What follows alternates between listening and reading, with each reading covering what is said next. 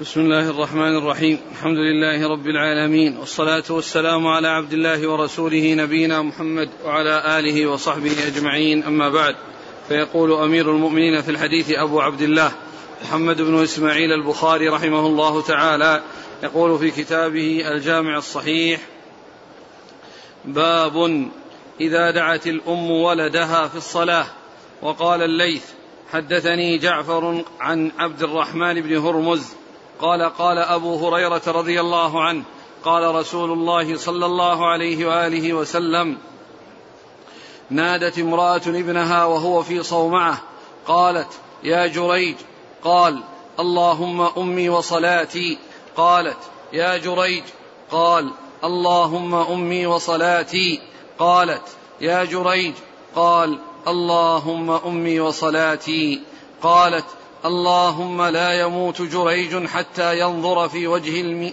في وجه المياميس وكانت وكانت تأوي إلى صومعته راعية ترعى الغنم فولدت. فقيل لها ممن هذا الولد؟ قالت من جريج. نزل من صومعته. قال جريج أين هذا الذي تزعم أن ولدها لي؟ قال يا بابوس من أبوك؟ قال راعي الغنم.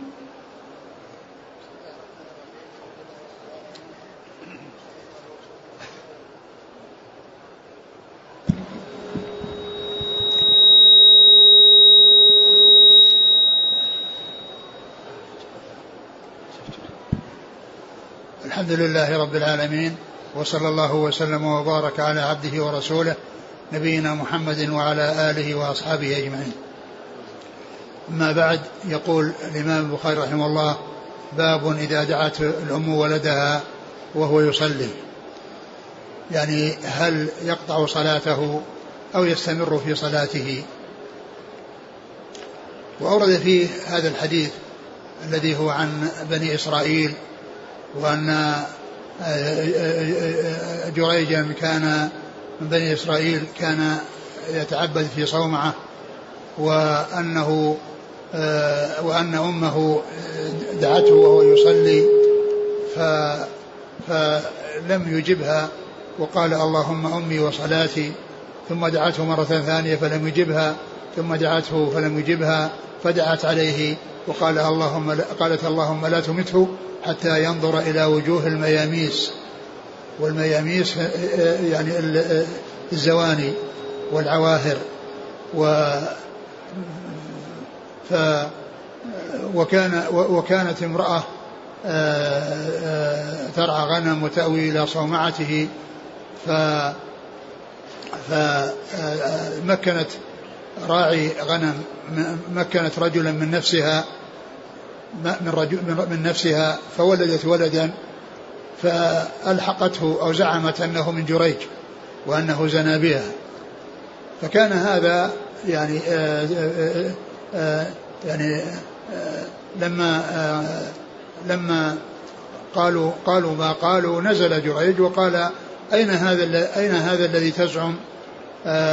يعني هذه المرأة أنه مني فيعني فقال يا فلان من أبوك. ناداه وقال يا فلان من أبوك. فقال فلان الراعي.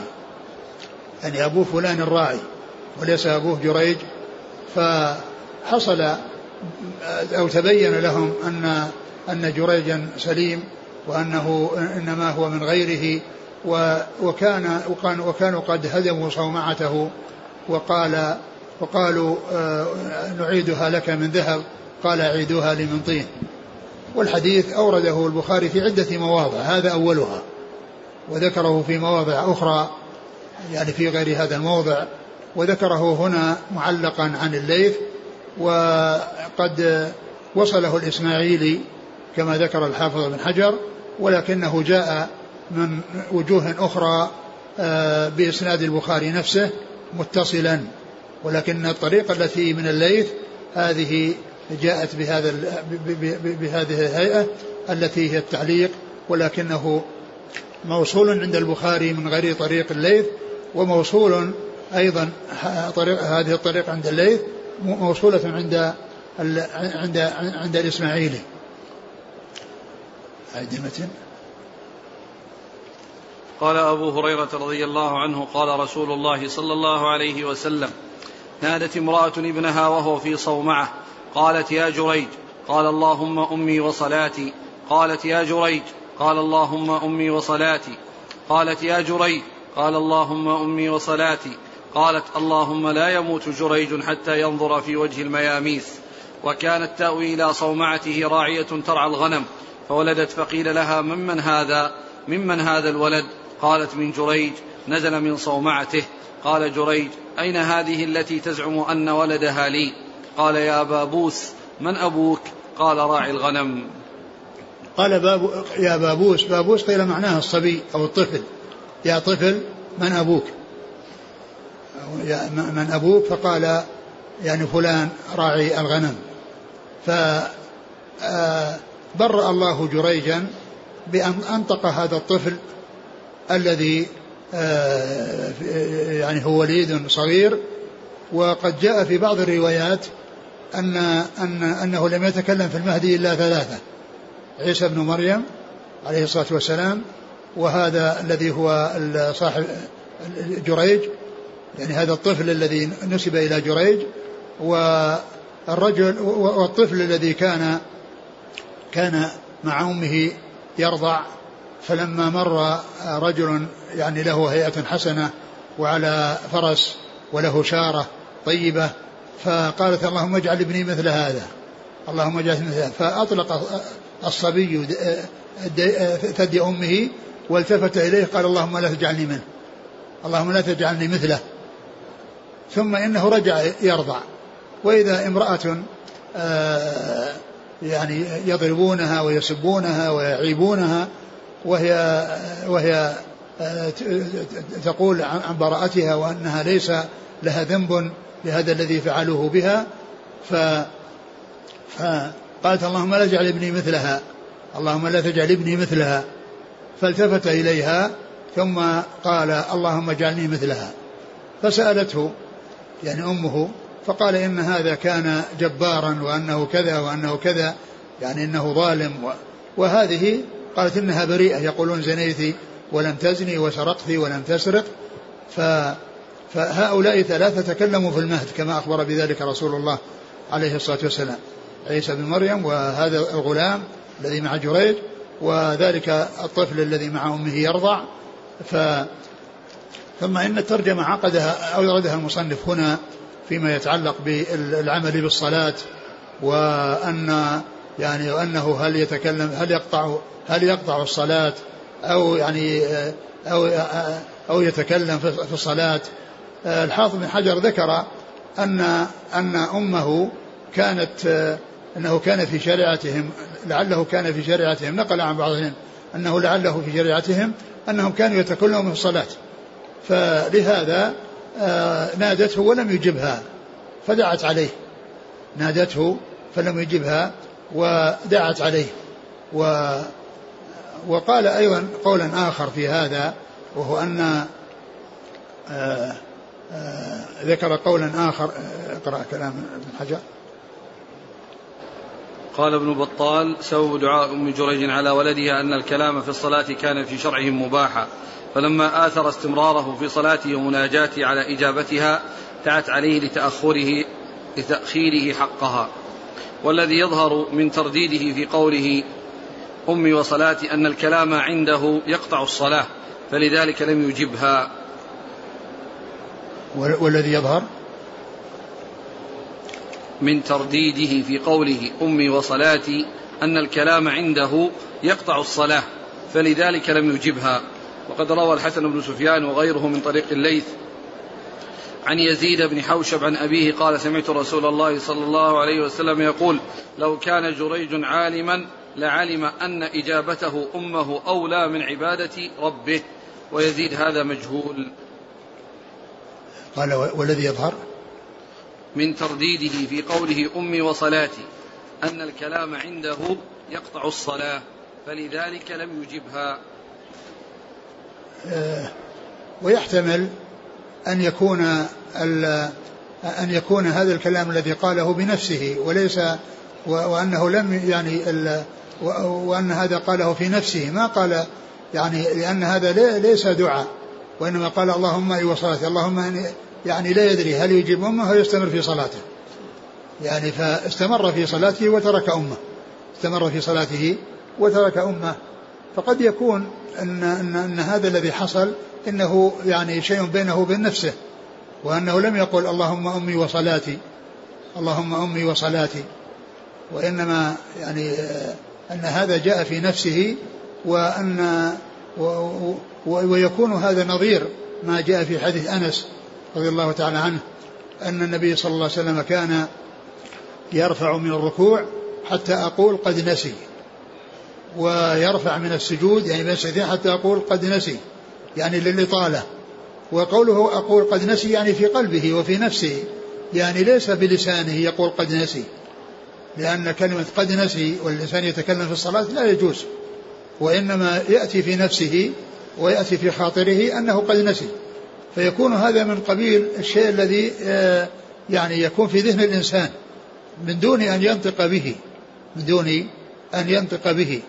فلا يكون آه، معنى ذلك أن الكلام آه، سائغ وأنه وأنه جائز. مثل ما أشار إليه الحافظ قال والذي يظهر أنه أنه, أنه يرى أن الكلام يقطع الصلاة. أن الكلام يقطع الصلاة. يعني معناه أنها لو كان لو كان يعني آه، هذا باللسان يقطع الصلاة.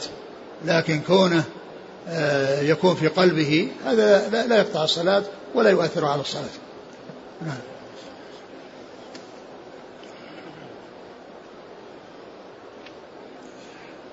وكأن في قلب, قلب نفسه اللهم كذا وكذا يعني متردد يعني ما يدري هل يكلم ولا ما يكلم هل يكلم أمه أو يستمر في صلاته. ف يعني إذا كان أن من قبيل حديث النفس وأنه قاله في نفسه الذي آه أنه قال في نفسه يكون ليس هناك إشكال.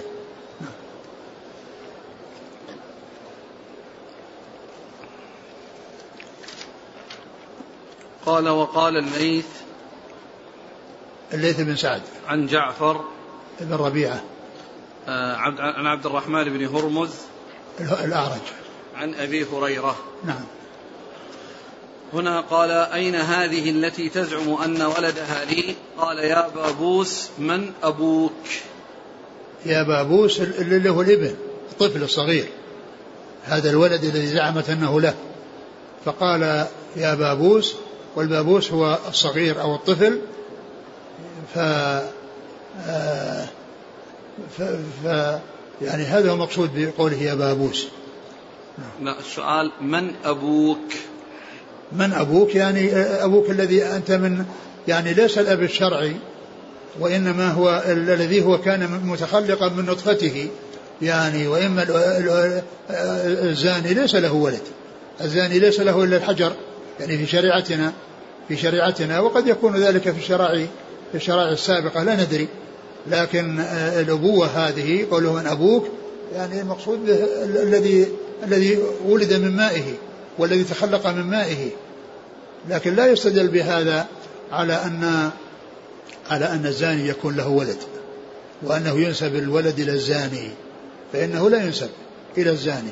ولهذا لو حصل زنا يعني لامرأة يعني ذات زوج ثم ولدت فإنه يضاف إلى إلى إلى إلى صاحب الفراش.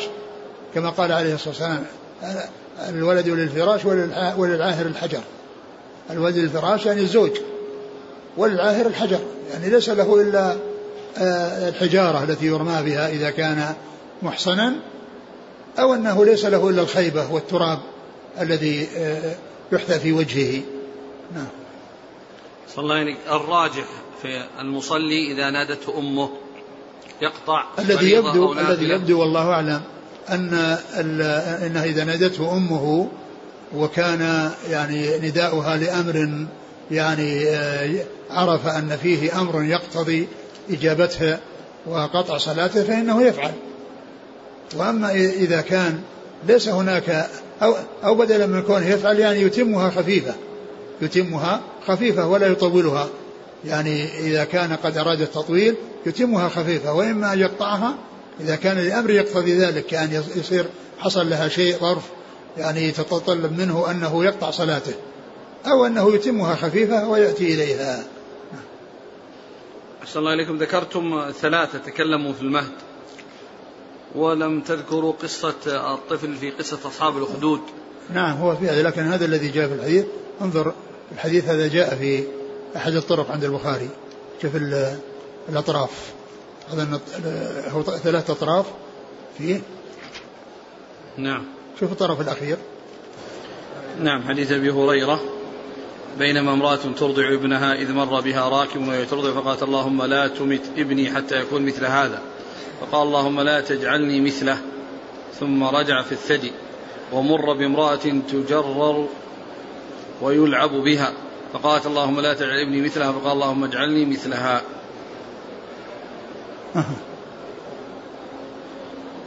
ما ذكر هذا الابن فقط ما ذكر القصة الثانية.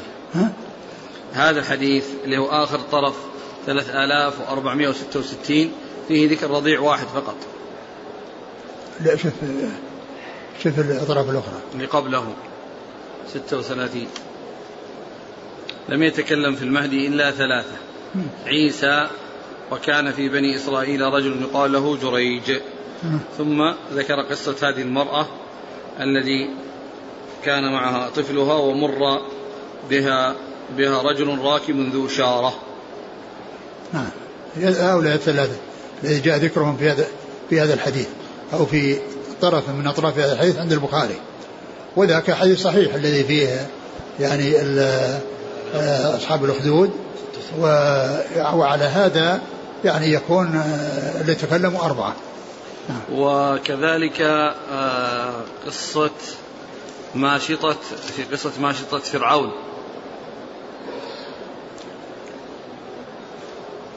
وش فيه؟ فيه ذكر القصة أنه تكلم ابنها الطفل لما غلا بهم الزيت وأراد أن يرميها مع أبنائها. ما أدري لكن إذا صحت فهي خامسة أصير لا أعرف. وسادس على احتمال وهو شاهد يوسف الذي تكلم في المهد على قول بعض أهل التفسير وشهد شاهد من أهلها. قال رحمه الله تعالى باب مس الحصى في الصلاة. قال حدثنا أبو نعيم قال حدثنا شيبان عن يحيى عن أبي سلمة أنه قال قال حدثني معيقيب رضي الله عنه أن النبي صلى الله عليه وسلم قال في الرجل يسوي التراب حيث يسجد قال إن كنت فاعلا فواحدة. ثم قال باب تسوية. باب مس الحصى في الصلاة. باب مس الحصى في الصلاة. آه مس الحصى يعني تسويته يعني وهو الذي مكان سجوده والذي يسجد عليه. و وذكر فيه هذا الحديث عن عن معيقيب. قال قال صلى الله عليه وسلم في الرجل يسوي التراب حيث يسجد قال إن كنت فاعلا فواحدة. قال في الرجل يسوي التراب حين يسجد قال إن كنت فاعلا فواحدة. يعني إن كنت ولا بد فاعلا فأتي بواحدة. ولا آه، تمسح التراب عندما عندما تأتي لكل سجدة أو كلما تسجد تمسح التراب إن كان ولا بد فواحدة. و ولعل المقصود يعني من ذكر الواحدة لأن الأرض التي يسجد عليها وهي حصبة أو تراب يعني فيها انخفاض وفيها ارتفاع بسبب ما يمشي عليها ووطئ الأرجل عليها فيكون بسبب ذلك الأرض غير مستوية. فإذا فعلها في الأول مرة واحدة لتستوي فهذا يكفي.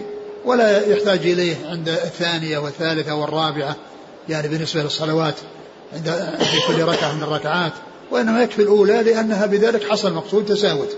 ما فيها انخفاض وارتفاع بسبب الوطء عليها. فإذا سواها في الأول لا يفعلها في الآخر. قال إن كنت فاعلا فواحدة.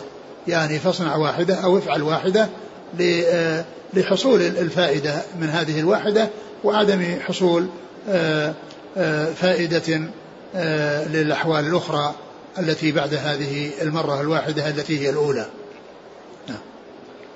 قال حدثنا أبو نعيم الفضل بن دكين عن شيبان بن عبد الرحمن عن يحيى عن أبي سلمة نعم. عن يحيى بن أبي كثير اليمامي.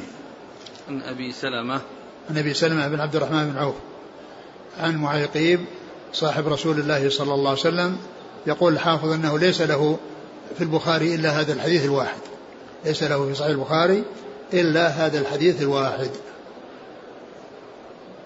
قال رحمه الله تعالى باب بسط الثوب في الصلاة للسجود قال حدثنا مسدد قال حدثنا بشر قال حدثنا غالب عن بكر بن عن بكر بن عبد الله عن أنس بن مالك رضي الله عنه أنه قال كنا نصلي مع النبي صلى الله عليه وآله وسلم في شدة الحر فإذا لم يستطع أحدنا أن يمكن جب أن يمكن وجهه من الأرض بسط ثوبه فسجد عليه. ثم ذكر باب بسط الثوب في الصلاة للسجود. باب بسط الثوب في الصلاة للسجود. يعني هذا في الصلاة. أما في غير الصلاة فالأمر في ذلك واضح. كل إنسان يضع قدامه سجادة يضع قدامه يعني ثوب يعني يقيه الأرض يقيه آه، الحر أو البرد. يعني آه، آه، يفعل ذلك في الصلاة. يعني الأمر واضح. أما إذا كان في الصلاة فهل يفعل أنه يبسط الثوب ليسجد عليه؟ أورد هذا الحديث عن أنس رضي الله عنه أنهم كانوا مع النبي صلى الله عليه وسلم ويكون في شدة الحر فيعني لا, لا يستطيع أحدهم أن أن يسجد على الأرض أو يمكن جبهة من الأرض لحرارة الرمضاء فيضع ثوبه ويسجد عليه يضع ثوبه ويسجد عليه. وسواء كان هذا الثوب الذي كان عليه يعني آه عليه آه يعني آه آه جزءا من, من, من ثوبه وأنه لا يستطيع أن يضعه على الأرض وإنما يضع عليها شيئا منها وطرفا منه أو أنه كان عليه يعني ثوب يعني غير الذي يواري عورته ويواري أيضا يعني كتفيه فوضعه وهو يصلي لا بأس بذلك. لكن يبدو أن أن أن أنهم أن, أن هذا شيء متصلا وأنه جزء من ثوبه الذي هو يعني ملتحف به آآ الذي هو رداء مثلا فيضع طرفه ويسجد عليه حتى يسلم من حرارة الرمضاء وحرارة شدة الشمس. فهذا يدل على جواز ذلك عند الحاجة لأن المقصود من الصلاة هو الإقبال عليها والخشوع فيها وإذا كان هناك شيء يحول دون ذلك بحيث أنه من حين تصل جبهته الأرض على طول يرفعها لعدم استطاعته وضعها عليها في الحرارة فإذا وضع شيئا وسجد وتمكن من صلاته في سجوده بسبب هذا الواقي الذي يقيه حرارة الشمس فإن ذلك سائغ وجائز. وهذا مثل هذا العمل لا يؤثر في الصلاة. لأن هذا عمل في الصلاة فلا يؤثر لأنه لمصلحة الصلاة ولحصول الخشوع في الصلاة. قال حدثنا مسدد ابن مسرهد عن بشر ابن المفضل عن غالب هو ابن خطاف القطان نعم عن بكر بن عبد الله المزني. عن أنس بن مالك. نعم يقول آه، هل للإنسان أن يضع يده ويسجد عليها عند الحرارة الشديدة؟ يبدو والله أعلم أنه لا يفعل ذلك.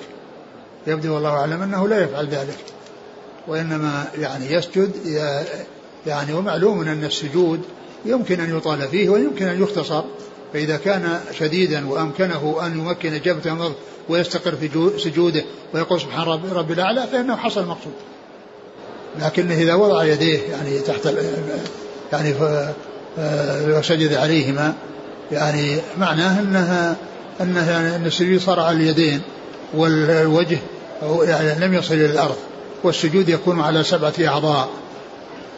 ما أدري هل ذكر الحافظ في هذا الشيء اختصر قال تقدم الكلام عليه. نعم. تقدم الخلاف في ذلك وتفرق من فرق بين الثوب الذي هو لابسه أو غير لابسه. نعم. وضع سجادة للإمام فوق السجاد المفروش لعامة المسجد. ما ينبغي. أقول لا ينبغي يعني لا سيما إذا كان في مكان خاص كالمحراب الذي هو يعني واضح أنه محل الإمام أنه واضح. أما إذا وضعت سجادة من أجل يعني توسط الإمام ومكان يعني يعرف بها مكانه الإمام وتوسطه لهذا الغرض لا بأس بذلك. أما سجادة فوق سجادة هذا يبدو أنه لا وجه له.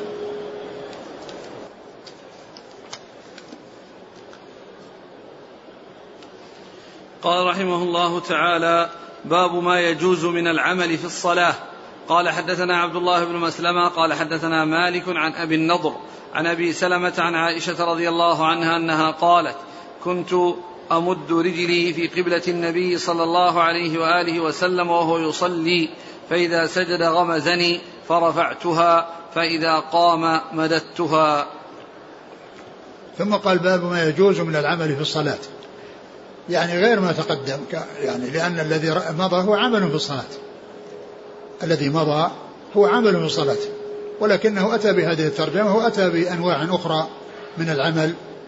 ف فأورد فيه هذا الحديث عن عائشة أنها أن النبي صلى الله عليه وسلم كان يصلي في حجرتها وكانت تمد رجليها في أمامه. فإذا آه، يعني فإذا سجد غمزها فكفت رجليها وإذا رفعها إذا قام من من السجود فإنها تضعها أو تمدها. فهذا يعني هذا العمل الذي هو كونه يعني يعني غمزها أو أنه آه، آه، غمزها أن, أن, أن ذلك يعني عمل في الصلاة وقد حصل من الرسول صلى الله عليه وسلم فيدل يعني مثل ذلك على أن هذا العمل لا بأس به ولأن الرسول صلى الله عليه وسلم فعله. وهو يدل أيضا على أن الاعتراض ليس مثل المرور لأن المرور منهي عنه.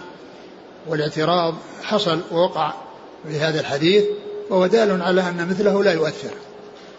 مثله لا يؤثر. ومثله لو أن يعني إنسانا يعني إنسان قام يصلي وعلى يمينه واحد وعن يساره واحد وناوله شيئا من أمامه هذا لا يقال له مرور هذا من جنس هذا الاعتراض من جنس هذا الاعتراض الذي حصل من عائشة آه، أمام رسول الله صلى الله عليه وسلم. وفيه أيضا يعني على آه، أن لمس المرأة لا لا ينقض الوضوء وهو الرسول لمسها في الصلاة لمسها وهو في الصلاة والقول بأنه يعني يعني لمس المرأة لا ينقض الوضوء هذا هو القول الصحيح. وبعض أهل العلم قال إن مس المرأة ينقض الوضوء. إن مس المرأة ينقض الوضوء في الصلاة. في الصلاة وغير الصلاة. نعم. قال حدثنا عبد الله بن مسلمة قال نبي عن مالك نعم. عن أبي النضر هو. سالم بن أبي أمية نعم. عن أبي سلمة عن عائشة. نعم. قال حدثنا محمود قال حدثنا شباب قال حدثنا شعبة عن محمد بن زياد عن أبي هريرة رضي الله عنه عن النبي صلى الله عليه وآله وسلم أنه صلى صلاة. قال إن الشيطان عرض لي فشد علي ليقطع الصلاة ليقطع الصلاة علي فأمكنني الله منه. فذعته ولقد هممت أن أوثقه إلى سارية حتى تصبحوا فتنظروا إليه. فذكرت قول سليمان عليه الصلاة والسلام رب هب لي ملكا لا ينبغي لأحد من بعدي. فرده الله خاسيا.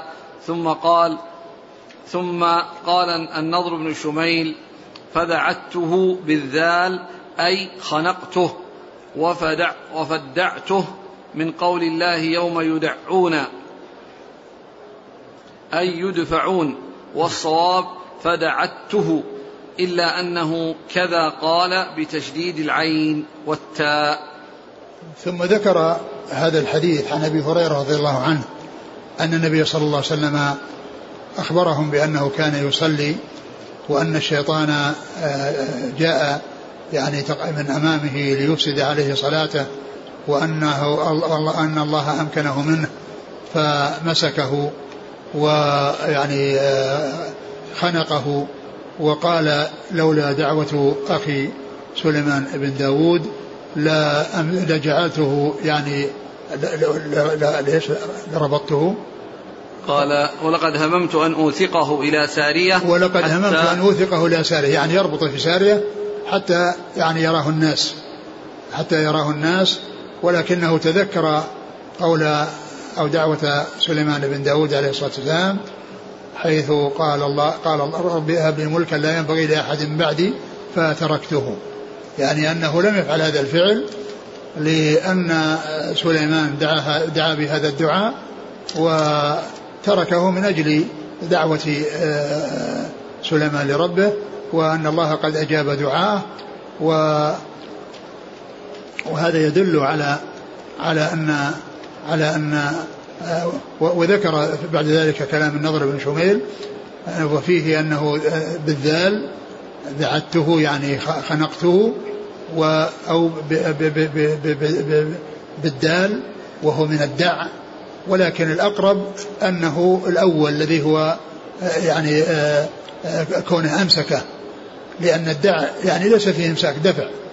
يعني يدفعه فيسقط يوم يدعون إلى النار في نار جهنم دعا يعني يدفعون دفعة.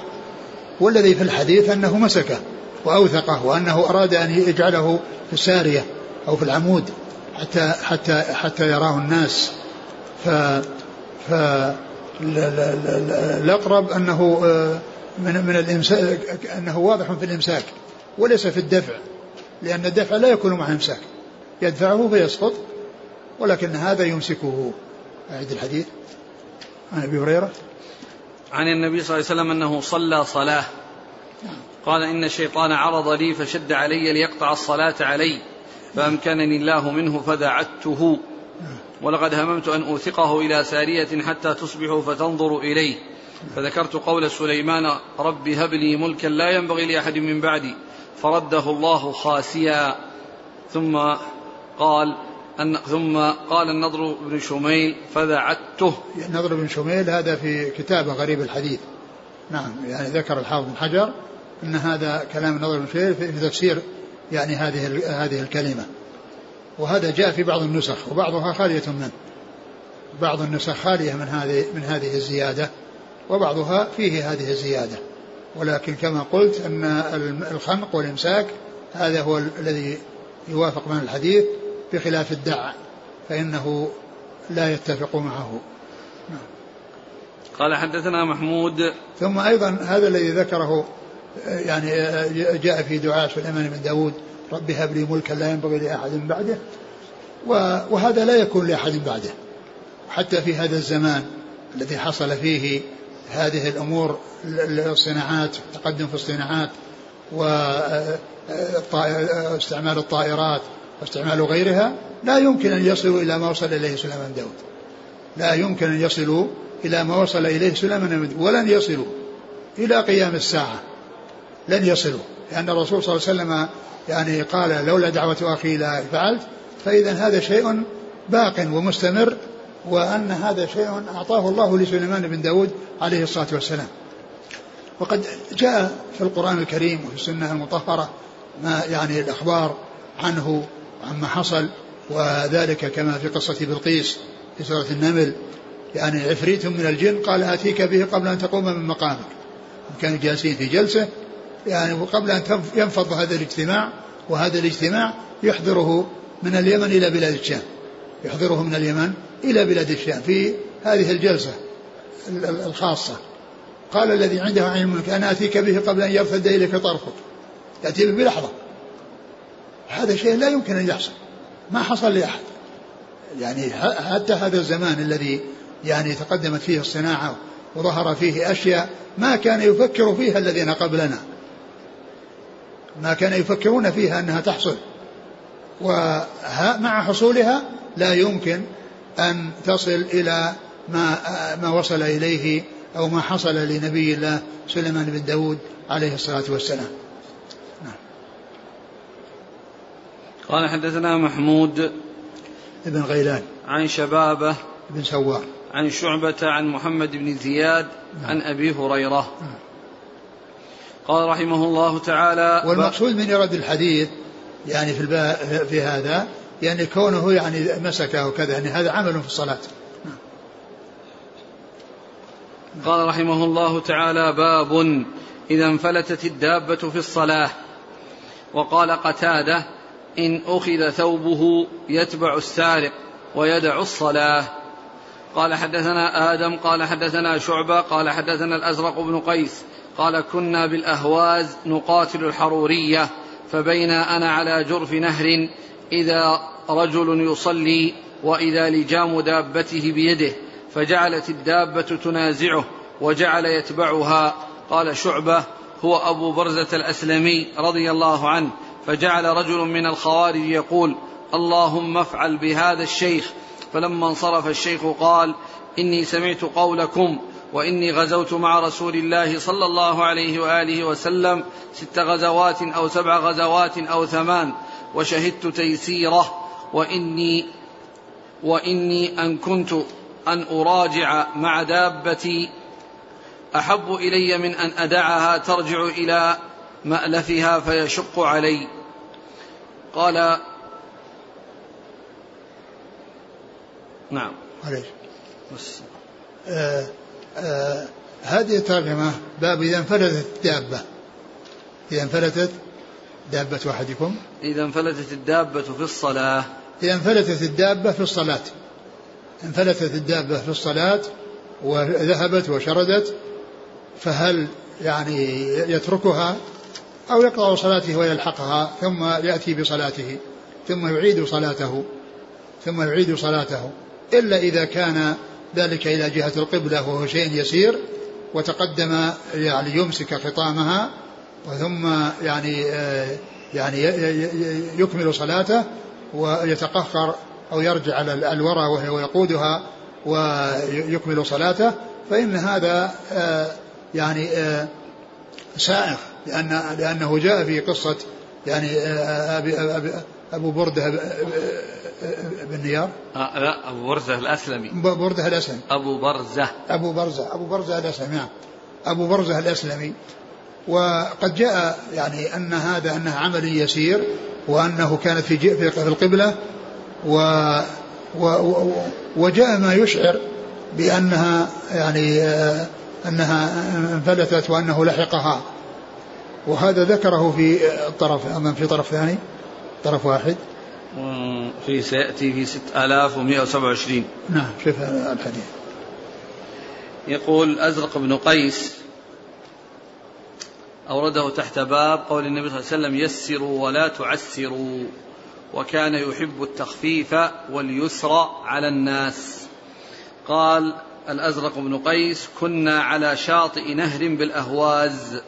قد نضب عنه الماء فجاء أبو برزة الأسلمي على فرس فصلى وخلى فرسه فانطلقت الفرس فترك صلاته وتبعها حتى أدركها فأخذها ثم جاء فقضى صلاته وفينا رجل يقال له رأي. يعني له رأي يعني. فأقبل يقول انظروا إلى هذا الشيخ ترك صلاته من أجل فرس. فأقبل فقال ما عنفني أحد منذ فارقت رسول الله صلى الله عليه وسلم. وقال إن منزلي متراخ فلو صليت وتركت لم آت أهلي إلى الليل. وذكر أنه صحب النبي صلى الله عليه وسلم فرأى من تيسيره. نعم. يعني هذا يحتمل أنه يكون مثل الرواية السابقة. لأنه قال يعني هذا و ورجع وقضى صلاته. يعني قضى صلاته إذا كان مقصود يعني أتمها فهو مثل ال ال ال ال الأول الذي تقدم وأنه يعني وأنها كانت وأنه أخذ بخطامها وأنه كان ماسك بخطامها وأنه يعني رجع وقضى صلاته. يعني في إما يكون قضى صلاته يعني أتمها يعني أكملها وبنى على ما مضى لأنه كان يعني آآ آآ لم ينصرف عن جهة القبلة وأنه عمل يسير في الصلاة وهذا لا إشكال فيه. لكن لو أن لو أن الدابة انفلتت وهو يعني يعرف أنها يعني أن أنه لا يتمكن أنه يعني قد لا يتمكن من هذا وأنه لو لو, لو ذهبت قد تذهب إلى مكان مكانها الذي تألفه وهو منزلة أو, أو أنها احتمال آخر وهو أنها تذهب إلى هجة أخرى فتضيع عليه ولا يدري عنها ولا ثم يبقى في البر أو يبقى في مكان يعني لا يستطيع أن يعني يستفيد منها. فرأى أنه يمسكها وأنه يتقدم لها وإن احتاج الأمر إلى أنه يذهب إليها ويقطع صلاته ويحصلها حتى لا سيما إذا كان في فلاة من الأرض. وهو يعني قد يكون في مهلكة فإذا فعل أو حصل له أنه قطع صلاته ولحقها ثم مسكها ثم آه، أتى بصلاته من أولها لا بأس بذلك. فأقرأ أعد الحديث. أعد الحديث. قال قيس الأزرق بن قيس قال كنا بالأهواز. نعم الأهواز يعني مكان في في, في, في يعني في, في بلاد الشرق يعني إما في في بلاد فارس أو في آخر بلاد العراق. نعم. نقاتل الحرورية. نعم الحرورية يعني هم الخوارج الخوارج نعم الذين خرجوا على علي وبدأ ظهورهم وخروجهم في زمن علي رضي الله عنه. نعم. قال الحافظ وكان الذي يقاتلهم إذ ذاك المهلب بن أبي صفرة. نعم. سنة خمس وستين من الهجرة. نعم. وكان الخوارج قد حاصروا أهل البصرة مع نافع بن الأزرق حتى قتل وقتل من من أمراء البصرة جماعة إلى أن ولي عبد الله بن الزبير إلى أن ولى عبد الله بن الزبير الحارث بن عبد الله بن أبي ربيع المخزومي على البصرة وولى المهلة بن أبي صفرة وولي المهلة بن أبي صفرة على قتال الخوارج. نعم. قال فبين أنا على جرف نهر. جرف يعني حافته. يعني قد نضب يعني أنه قد يعني ذهب عنه الماء. والجرف هو الذي يكون في ناحيته وقد يعني ذهب جزء منه بسبب سير الماء. بسبب سير الماء. وقد يسقط طرف الجرف إذا كان يعني إذا كان يعني ليس قويا أو سميكا أو, أو, أو, قويا فإنه قد يسقط بسبب هذا الجرف الذي ولهذا الوادي أو النهر قد يجترف ما حوله فيكون آه، طبقة من الأرض ممتدة وتحتها فراغ وتحتها فراغ. ولهذا الأثر الذي جاء عن عن جابر رضي الله عنه أنه لما دفن أبوه عبد الله بن حرام رضي الله عنه وهو استشهد يوم أحد دفن فكاد الوادي أن يجترفه. يعني معناه أن السيل يعني قرب منه فخشي أنه يذهب مع السيل. فنبشه بعد ستة أشهر. ونقله إلى مكان آخر حتى لا يحمله السيل. لأن السيل إذا يعني إذا اشتد وقوي يعني يحمل ما أمامه وكذلك يعني يتسع إلى جوانب الوادي. فيكون فيه طبقة يعني مرتفعة وتحتها ظل أو شيء فارغ بسبب السيل الذي ف في جرف نهر قد نضب. نعم, نعم. وفي هذه الرواية نضب يعني يبس ذهب منه الماء أو ما بقي منه شيء يمشي. نعم. وجاء في رواية قال على شاطئ دجيل. دجين دو دو دجين نعم.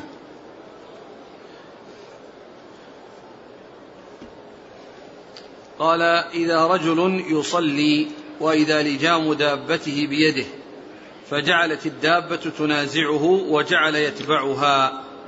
يعني هذا يدل على أنه يعني أنه كان إلى جهة القبلة أنه إلى جهة القبلة وأنه ينازعها ويتنازعه وهو يمسك ب ثم ثم إنه هذه جاءت رواية بها يا شيخ. نعم رواية الرواية الأخرى اللي رأيناها اللي لا الرواية أنها إلى جهة القبلة. آه. نعم هي إلى جهة القبلة؟ نعم. آه نعم. إيش أولا جاءت رواية أن تلك الصلاة صلاة العصر. نعم. قال وجاء عند الإسماعيلي فمضت الدابة في قبلته. نعم. فانطلق فأخذها ثم رجع القهقرى. يعني هو في الصلاة. وهذا يعتبر العمل اليسير. يعني أنه عمل يسير. أما لو يعني ذهبت مسافة بعيدة وهي تجره وهو يعني لم يستطع إمساكها فإن ذلك يؤثر على الصلاة. نعم. قال شعبة هو أبو برزة الأسلمي. وقد جاء بينت الرواية الأخرى التي في الآخر. أبو قال أبو برزة الأسلمي. فجعل رجل من الخوارج يقول اللهم افعل بهذا الشيخ. يعني جعل يسبه ويعيبه لأن كونه ماسك الناقة ويعني ومنشغل عن الصلاة لأنه انشغل بالناقة عن الصلاة. يعني ما ترك الدابة تذهب وجعل يصلي. وهذا من تشديدهم وأنهم يعني عندهم يعني مثل ما قال يعني آه، تحقر صلاة. مع صلاتهم لتشددهم ولزيادتهم ولغلوهم وإفراطهم. فكان يعني نالهم ما نالهم بسبب الغلو والإفراط. ولهذا يعني هنا يعني دعا أو قال أو سب أبا برزة الأسلمي رضي الله عنه. نعم. فلما انصرف الشيخ قال إني سمعت قولكم. نعم هذا الشيخ الذي هو أبو برزة لما انصرف من صلاته. قال إني سمعت قولكم. وهذا يدل على أن الإنسان إذا يعني قد يعني يسمع شيئا وهو يصلي ويعرف ذلك القول الذي قيل وذلك لا يؤثر على صلاته. يعني كونه حصل كلام وسمعه وهو يصلي لا يؤثر ذلك على إقباله على صلاته. إني سمعت قولكم. وإني غزوت مع رسول الله صلى الله عليه وسلم ست غزوات أو سبع غزوات أو ثمان. وإني غزوت مع رسول الله يعني هذه الغزوات إما ست وإما سبع وإما ثمان. يعني معنى ذلك أنه صحب الرسول صلى الله عليه وسلم صحبة طويلة وغزا معه عدة غزوات وكان يعني مع في ملازمته له لا يعرف عنه إلا التيسير والتسهيل ولا يعرف عنه الشدة والغلظة. التي ابتلي بها الخوارج. قال وشهدت تيسيره وإني أن كنت أن أراجع مع دابتي.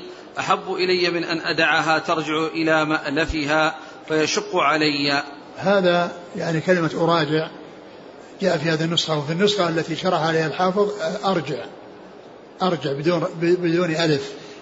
يعني و يعني قال إن, إن, إن أنني فعلت هذا الفعل لأن لأن ناقته ترجع إلى مألفها أي المكان الذي ألفته وبينه وبين أهله مسافة طويلة فمعنى ذلك أنه يشق عليه أن يذهب هذه المسافة. وقد يكون أمر آخر وهو أن تنفلت وتذهب إلى جهة أخرى فتضيع عليه ولا يدري أين كانت وقد يفقدها ولا يحصل عنها خبرا. نعم. يعني هو يشير إلى أن هذا الذي تقولونه من الشدة والغلظة والرسول صلى الله عليه وسلم صحبته صحبة طويلة وغزوت معه عدة غزوات وما عرفت عنه إلا التيسير. صلوات الله وسلامه وبركاته عليه. وقد قال الله عز وجل عنه فبما رحمة من الله لنت لهم ولو كنت فظا غليظ القلب لانفضوا من حولك. صلوات الله وسلامه وبركاته عليه. نعم.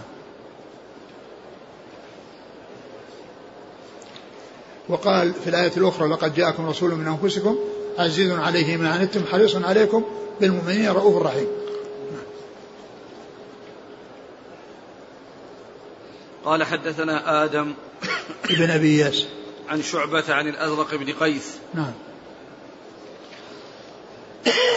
عن أبي برزة الأسلمي. أبو برزة الأسلمي اسمه نضلة بن عبيد. نعم. قال حدثنا محمد بن مقاتل قال أخبرنا عبد الله قال أخبرنا يونس عن الزهري عن عروة أنه قال قلت أنه قال قالت عائشة رضي الله عنها خسفت الشمس فقام النبي صلى الله عليه وسلم فقرأ سورة طويلة ثم ركع فأطال ثم رفع رأسه ثم استفتح بسورة أخرى ثم ركع حتى قضاها وسجد ثم فعل ذلك في الثانية. ثم قال إنهما آيتان من آيات الله فإذا رأيتم ذلك فصلوا حتى يفرج عنكم. لقد رأيت في مقامي هذا كل شيء وعدته. وعدته. وعدته. لقد رأيت في مقامي هذا كل شيء وعدته حتى لقد رأيت أريد أن آخذ قطفا من الجنة. حين رأيتموني جعلت أتقدم.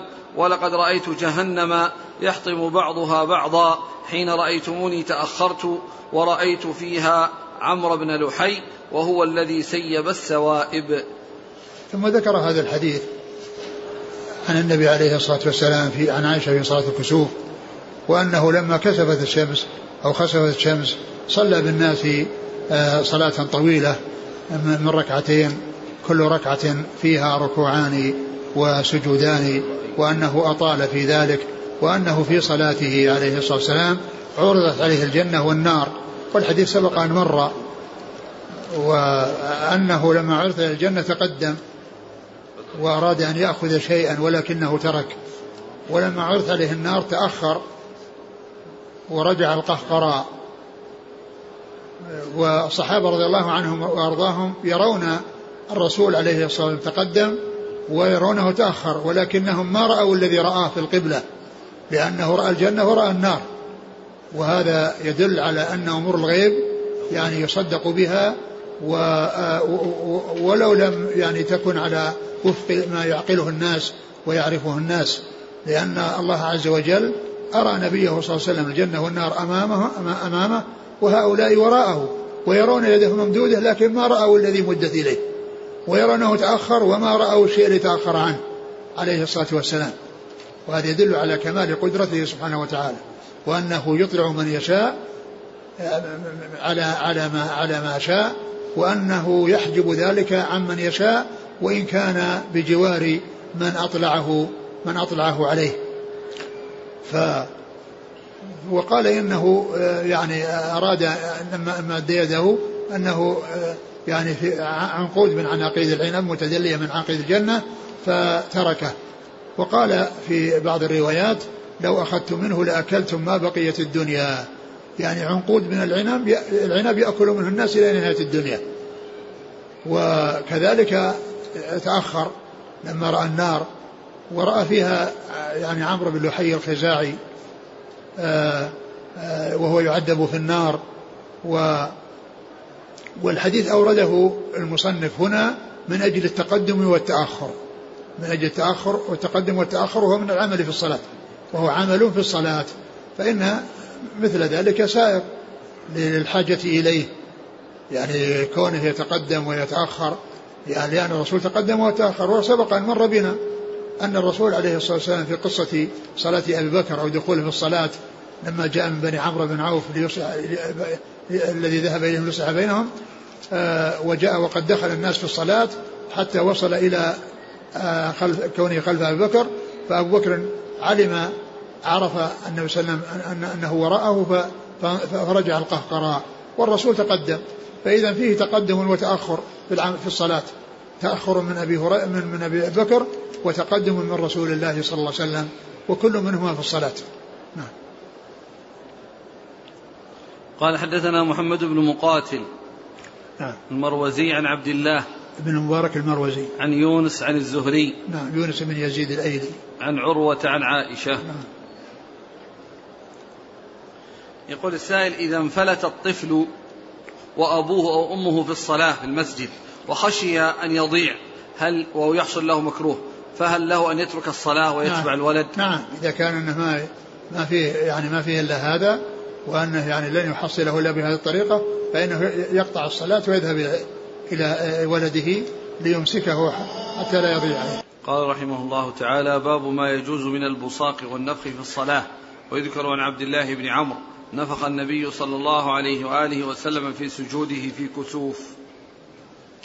قال حدثنا سليمان بن حرب قال حدثنا حماد عن أيوب عن نافع عن ابن عمر رضي الله عنهما أن النبي صلى الله عليه وآله وسلم رأى نخامة في قبلة المسجد فتغيظ على أهل المسجد وقال إن الله قبل أحدكم فإذا كان في صلاته فلا يبزقن أو قال لا يتنخمن ثم نزل فحتها بيده.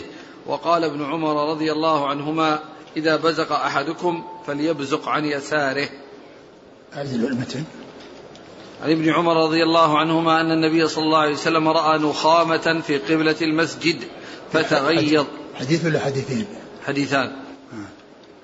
والله تعالى أعلم وصلى الله وسلم وبارك على عبده ورسوله نبينا محمد وعلى آله وأصحابه أجمعين. جزاكم الله خيرا وبارك الله فيكم. ألهمكم الله الصواب ووفقكم للحق. نفعنا الله ما قلتم وسمعنا شافاكم الله وعافاكم. آمين. وجعل الجنة مثوانا ومثواكم. آمين. سلم. لفضيلتكم. يصافحك يقول آه المسبوق إذا انتهت الصلاة مع الإمام ثم قام يقضي فتقدم إلى سترة. هل حركته هذه تقدمه إلى السترة تدخل في الأمور الجائزة الحركات الجائزة؟ إذا كانت قريبة. إذا كانت قريبة جدا ما في بأس. لأنه يعني يعني آه، حتى يعني يشوش عليه الناس بالمرور لكنه إذا كان في سترة أمامه وتقدم تقدما يسيرا دون أن يكون هناك مسافة طويلة أما إذا كانت بعيدة ليس له ذلك لأن الحركة اليسيرة والمشي اليسير في التقدم والتأخر ما في بأس. يقول بعض الناس اليوم في بعض المساجد كذلك في الحرم المكي يبسط شماغه ويسجد عليه. هل هذا من التكلف؟ يعني شماغه على على الفراش؟ ها؟ يبسط شماغه على الفراش؟ والله ما ذكر هل يعني إذا كان بسط والظاهر أنه يبسط أحيانا على البلاط. إذا كان إذا كان أن البلاط أنه يعني فيه يعني شيء يعني يؤثر مع أن البلاط الذي في الحرم هناك لا لا تؤثر فيه الحرارة. كون الإنسان يعني يعني لا يفعل هذا الفعل يعني لا شك أنه أولى وإن كان أنه أنه فيه برودة يعني فيما يتعلق بوقت الشتاء وأن فيه برودة وأراد أنه يعني يعني تحول بينه وبين البرودة هذا لا بأس له يقول إن كانت المسحة الواحدة للحصى لا تكفي. فهل يجوز أن يكرر كيف لا تكفي؟ يعني يعني كونه يعني يحركه يعني كذا هذه مسحة.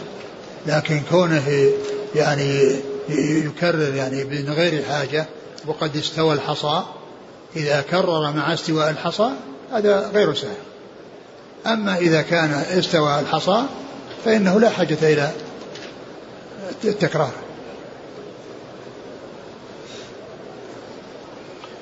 والنسعة الواحدة تكفي. لأن الأرض التي حصبة أو تراب إذا مسحها تساوت. لا سيما وهذا الذي حصل فيها من التفاوت بسبب وطئ الأرجل. وذلك أمر سهل. يكفيه مرة واحدة.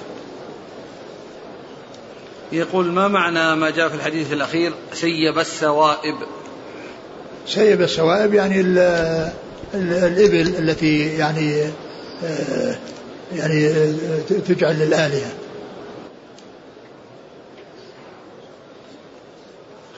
يقول ما حكم الجلوس على السجادة التي فيها صورة الكعبة؟ لا بأس بذلك لكن الأمر الذي ينبغي أن تستعمل السجاجيد التي هي يعني خالية من أي يعني ألوان لأن هذا هو الذي يكون به عدم التشويش على الإنسان في صلاته. ولا يكون فيها نقوش ولا يكون فيها شيء والسجاجيد اللي فيها الكعبة وغيرها فيها نقوش. فكل إنسان يتركها ويأخذ الأشياء التي هي سليمة لا شك أن هذا هو هو هو, هو الذي ينبغي الإنسان يقول شيخنا الفاضل قد بلغ الثلج عندنا في الجزائر في بعض المناطق إلى مترين فمات بعض الناس. وأفتى بعض بعض أئمة المساجد بأن يدفنوا في الثلج ابتداء حتى يذوب. هل هذا صحيح؟ هذا غير صحيح. كيف؟ يعني يد يعني يدفنون في الثلج. الثلج ما الثلج يذوب ويبقون. كيف يدفنون؟ دفنهم يحفر لهم مقابر يقبرون فيها. وأما يعني وضعهم في الثلج يعني هذا إهانة لهم. حتى ولو كان مده مدة مؤقتة. يعني وليس وليس بدفن وليس بقبر وليس بدفن. وإنما كونهم يوضعون فيه هذا إهانة لهم. ما يصلح هذا ولا ولا يليق أن يكون. هل يجوز للإمام الراتب إذا وهل, وهل الإنسان يعني يريد لنفسه أن يكون كذلك؟ يعني هذا الذي يعني يعني يرغب هذا أو يرى يعني أو, أو يريد أن يكون هذا هل يرغب هو أن يكون كذلك؟ لا لا يرغب أبدا لأن هذا إهانة. الإنسان إذا مات يهيأ للدفن ويذهب يدفن في, في المقابر. هل يجوز للإمام الراتب إذا تأخر ووجد غيره قد تقدم ليؤم الناس له أن يرجعه ويتقدم هو يصلي؟ الأولى أن يتركه وإن كان لم يدخل في الصلاة ويعني وجاء وطلب منه يتأخر فعليه أن يتأخر. يقول وكيف إذا قد مضت ركعة أو ركعتان؟ لا هذا لازم يستمر في صلاته. أقول يستمر في صلاته ويستمر الناس في صلاته. لكن الكلام عند الإقامة وقيم الصلاة ثم حضر وهذا واقف ما كبر. فإنه يتأخر. وإن قال له تأخر يعني يستجيب له.